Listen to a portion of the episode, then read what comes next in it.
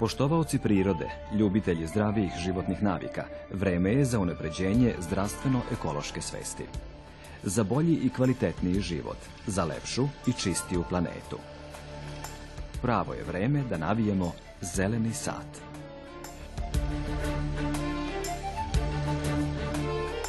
U središtu ove priče je čovek koji, razvijajući svoj mikrokosmos na duhovnom, mentalnom, emotivnom i fizičkom planu, može biti bolji sebi, svojim bližnjima, svom neposrednom okruženju, kosmosu. Priroda i kosmos dobro pamte sve što čovek čini. U ovoj emisiji gledat ćete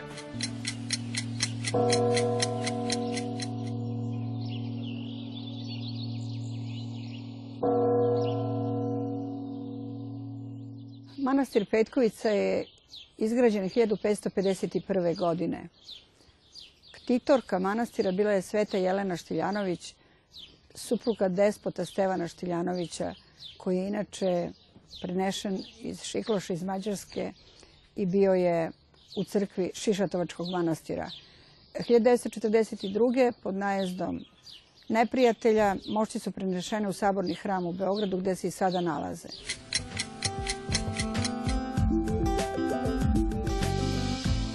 Začinsko bilje od uvek je imalo veliki značaj u životu ljudi i to ne samo u kulinarstvu, već i u medicini, tradiciji i religiji.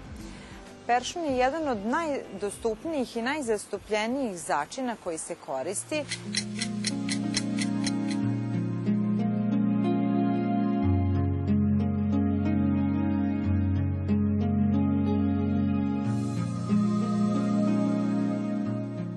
Sad ću da vam dam ideju za jedan divan recept. Osnova je peršunovo lišće.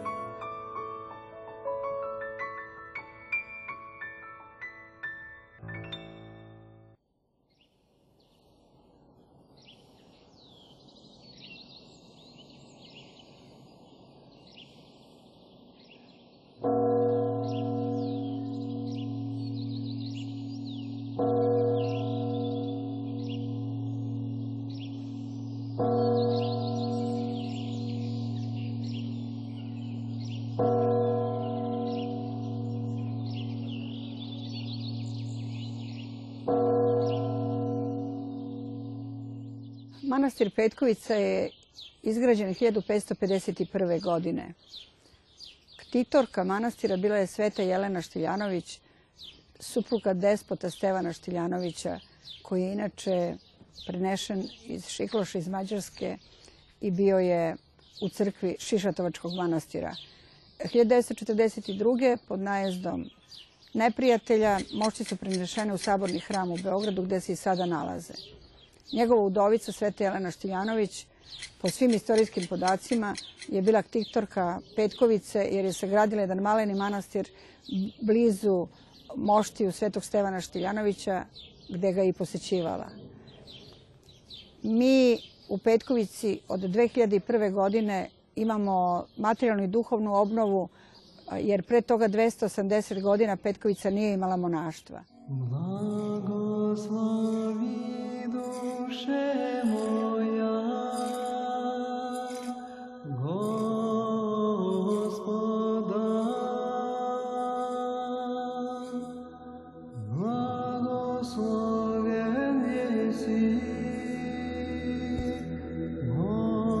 Gospodi.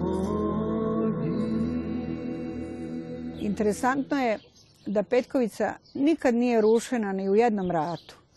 Čak ni Turci koji su hteli da uzmu kamen od crkve Petkovice da bi paša Sulejman gradio svoj dvor u Mitrovici, odustali su jer je iguman Akakije tada turskoj vlasti platio 12.000 akči poreza i oni je nisu rušili. Zaista Petkovica je ostala kao svedok duhovne kulture i prisustva uh, srpskog naroda pravoslavnog na ovim prostorima i kao svedok uh, duhovne izgradnje srpskog naroda od davne 1551. godine i danas je svedok pravoslavlja na ovim prostorima.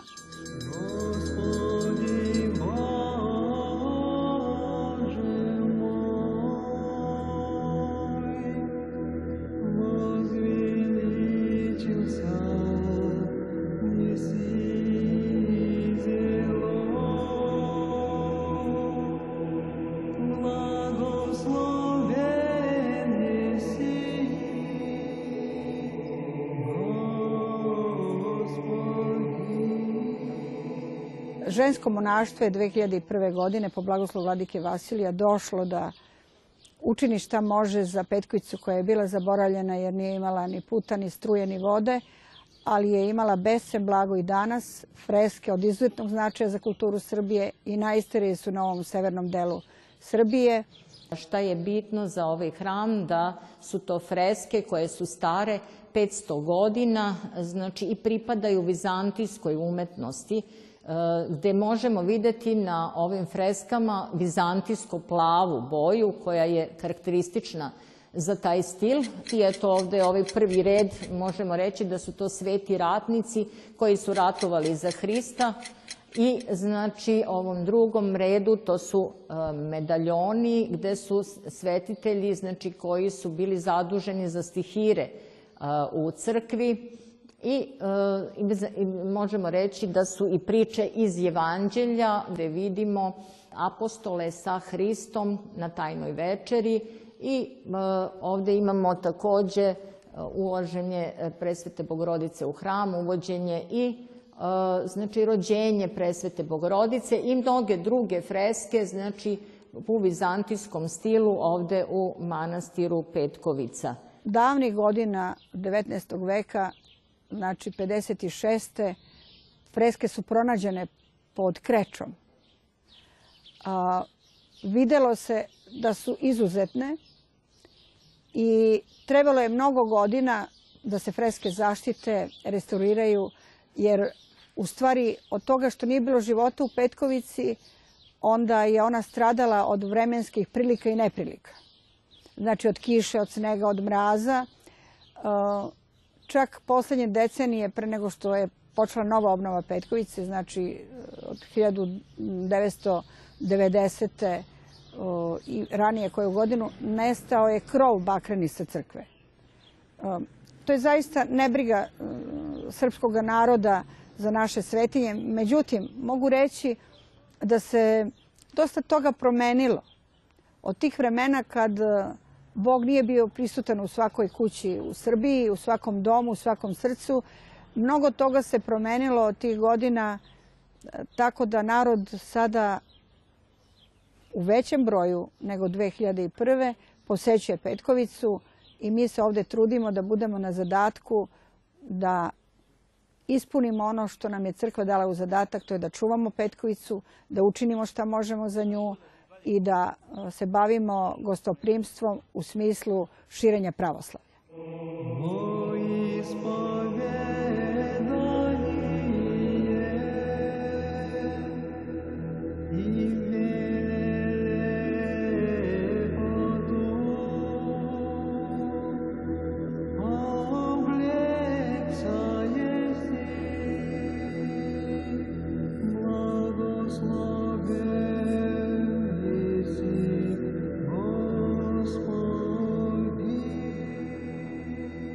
Manastir je posvećen dvema petkama srpskoj prepodobnoj Mati Paraskevi, koja je po svim pisanim tragovima rođena u današnjem Skoplju u Epivatu i da su jej roditelji bili Radoslav i Kadiv kada su bili trgovci, da se ona otela od udaje na vrlo čudan način i onda po smrti roditelja ona je otišla uh, u pustinju Jordansku gde se podvizavala mnogo godina i onda po nalogu sviše preko Anđela Božih vraćena je u svoju postojbinu gde se i upokojila i gde se i proslavila i njene mošti su zamirisale u tom kraju kad je ona izvađena iz groba. Tako da čestice njenih moštiju imamo u Petkovici od 2003. godine, a inače njene mošti su u gradu Jašiju u Rumuniji prenete su e, pred najezdom Turaka i ostale su tamo, iako su skoro 200 godina bile u Beogradu. E, međutim, morale su da se presele i od tada mi nemamo, znači, prepodobnu Mati Paraskevu u našem vidnom prisustvu, ali zato imamo te čestice moštiju i vidimo da nam ona zaista pomaže kao naša zaštitnica. Onda hram je, negde piše da je prenos moštiju Svete Petke 8. avgust, ove prepodobne Trnovske, a negde piše da je to e, Sveta Petka Rimljanka. Međutim, e, i jedno i drugo e, je tačno, jer mošti Svete Petke Beogradske prepodobne prenošene su 8. augusta iz grada Trnova prema Studenici i u isti taj dan je crkva stavila u kalendaru i praznik Svete Petke Rimljanke, takođe poznate po tome što je postradala za veru Hristovu. Međutim, ono što je najznačajnije, a to je da je kult Svete Petke u Srbiji jako poštovan, u pravoslavnom svetu uopšte. Mada mogu reći da i katolici znaju da posete ovaj manastir, zato što je Sveta Petka živela u 9. veku i ona je bila zajednička naša svetiteljka i dosta je poštuju i na zapadu. Ovaj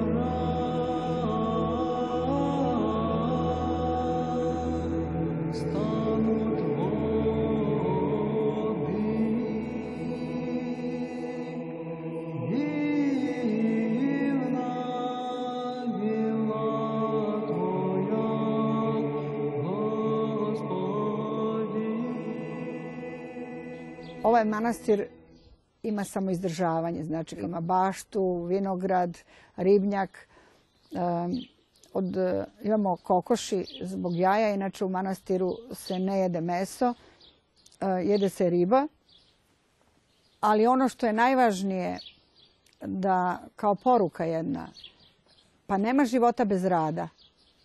A, a rad je čak i u svetu sada kod nekih ljudi koji su se razboljeli i terapija. Čovek ne bi bio čovek da ne radi. Čak i da kad bismo se izmestili u svet, isto bi tamo morali raditi, jer svaki čovek je potrebno da radi i da se samo izdržava.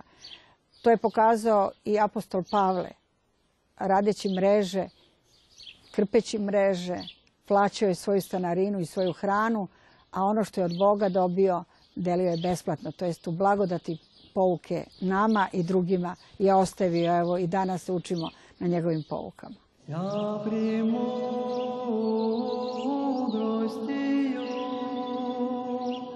сотворил еси,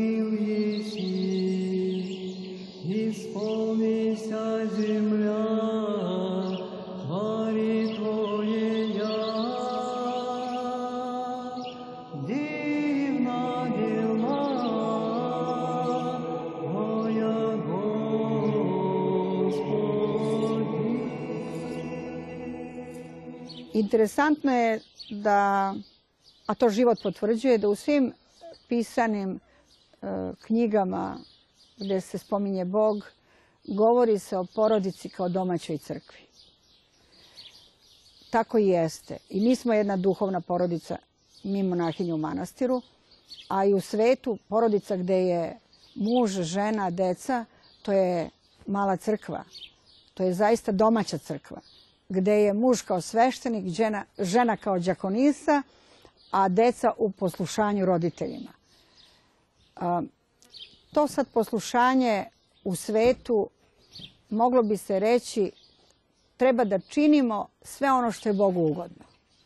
Dakle, nema ni jednog poslušanja i ni jednog posla, da kažemo posla za domaću crkvu porodicu, a da ne učini jednu žrtvu.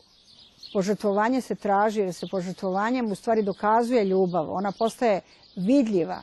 Ljubav ne može da se vidi bez žrtve. To je i Hristos rekao. A od ove žrtve nema veće da ko život, od ove ljubavi nema veće da ko život položi za drugoga.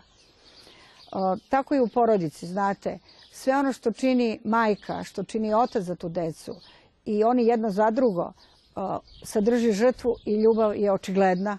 Ona se očituje u svima njima. A danas poslušanje mora da bude naročito u današnje vreme povezano sa poštovanjem. Jer pazite, ono što se danas smatra za ljubav, to se nekako izjednačuje sa hedonizmom, sa raznim zadovoljstvima. Međutim, to nije ljubav. To je egoizam. Ljubav, ponavljam, ne može da bude vidljiva bez žrtve. i u porodici domaćoj to poslušanje onda je u stvari prevedite ga na požrtvovanje. Dakle, ne može cela kuća, funkcija u kući da zavisi od samo supruge. Ne može da zavisi ni od samog samo muža. Ne može ni od dece. Dakle, svi uzajamno u jednoj porodici imaju zadatke. Neka to bude poštovanje kroz poslušanje. Jer tako onda porodica može da opstane.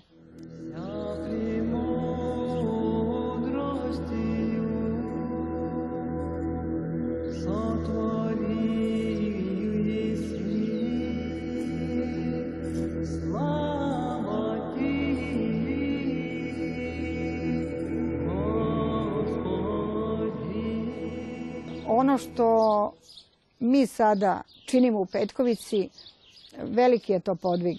Treba materijalno i duhovno da se podignemo. Bila sam sama kad sam došla u Petkovicu 2001. godine, ali danas nas ima 12 sestara i mi smo učinile sve što možemo da Petkovica kao manastir doprinese spasenju naših duša, znači i sestrinstva i naroda koji ovde dolazi. Mogu da kažem da molitve kod kivota Svete Petke mnogima su pomogle u ozdravljenju i mnoga su se deca rodila na molitvi kod, kod bezdetnih brakova. To nam daje još više podrške i prosto je imperativ da mi nastavimo ovim putem gostoljublja i molitve u ovom našem manastiru. Predivnom, na predivnom mestu i vidim da ga narod voli i da dolazi. as as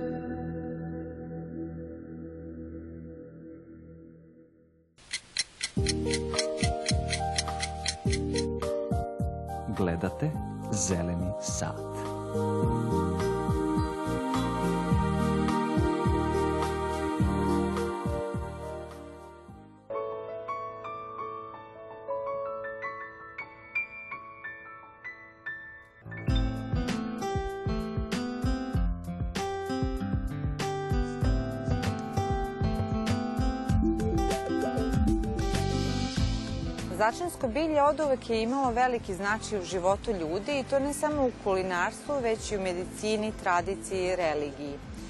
Peršun je jedan od najdostupnijih i najzastupljenijih začina koji se koristi. Poreklom je sa Mediterana i koristi se već unazad 2000 godina. Prvenstveno se koristio u medicinske svrhe. Stari Grci su ovenčavali sportske pobednike sa vencima od peršuna, a Rimljani su ga prvi put e, uvrstili u kuhinju.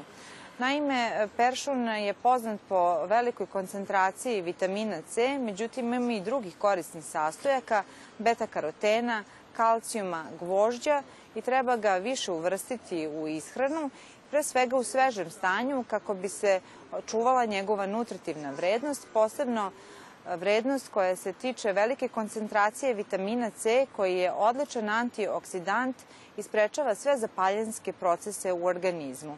Beta-karoten je takođe antioksidant koji sprečava oksidativni stres ćelije, a folna kiselina smanjuje homocistein, štetnu materiju koja može usloviti ubrzano stvaranje, razvijanje ateroskleroze. Peršun treba dodavati u supe, čorbe, postoji i tabula salata bliskoistočnjačka koja se koristi od bulgura, to je e, žitarica koja se dobija od više vrsta pšenice, zatim maslinovog ulja, mente, limunovog soka. E, takođe, tradicionalni pesto umesto od bosiljka može da se pravi sa peršunom.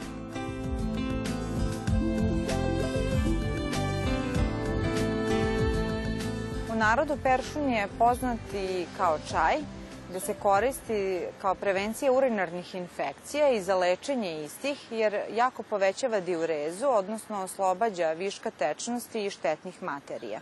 Peršun je najbolje koristiti u svežem stanju i takođe je njegova dobra osobina da može osvežiti dah.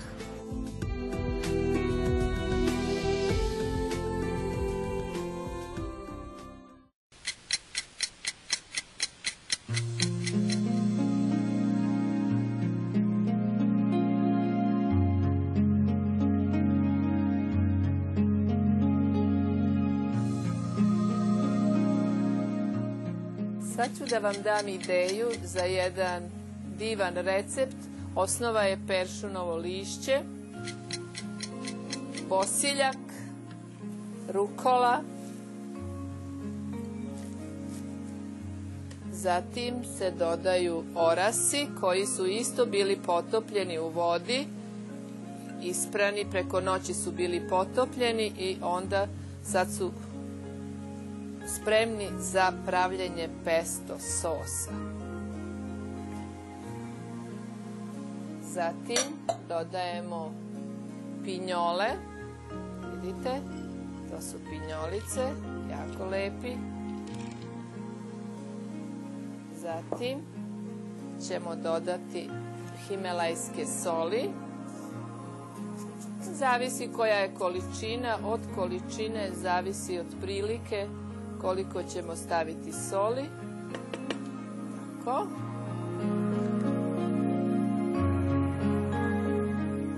Sada ćemo dodati maslinovo ulje.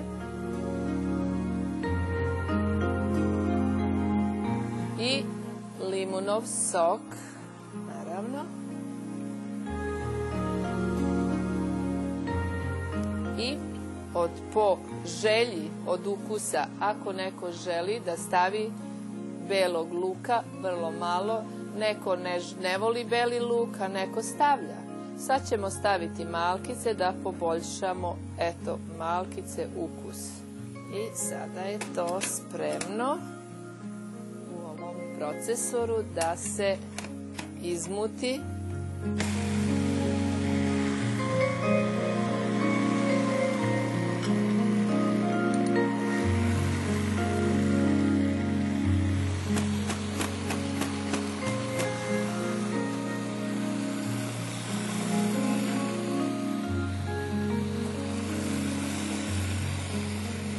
Naravno, ne smeta ulje, ne smeta, ono je zdravo, isto kao i sve ostalo što smo stavili.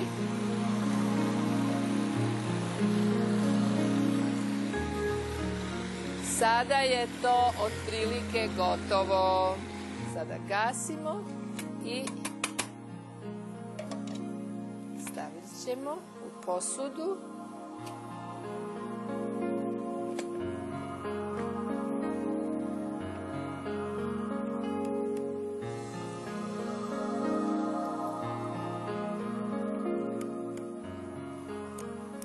Ga, ručak. Najlepše ide sa paradajzom i krekerima, može na hleb i tako dalje. Može prilog sa nekim nudlicama, da se obare nudlice pa da se stavi spreko ovaj pesto sos i tako. Ima raznih mogućnosti, ali Evo ga, izvolite.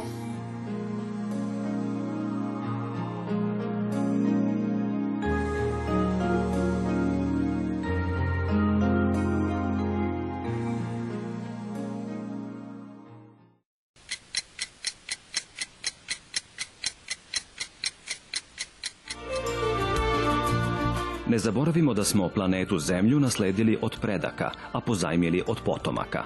Čuvajmo je živeće u skladu sa prirodom. Ne zaboravimo da su prirodnost, smirenost, iskrenost, skromnost, zahvalnost i dobrota vrline, ali ne budimo skromni u ljubavi, razumevanju, praštanju, humanosti, znanju, kreativnosti. Pokrenimo se, postanimo bolja verzija sebe.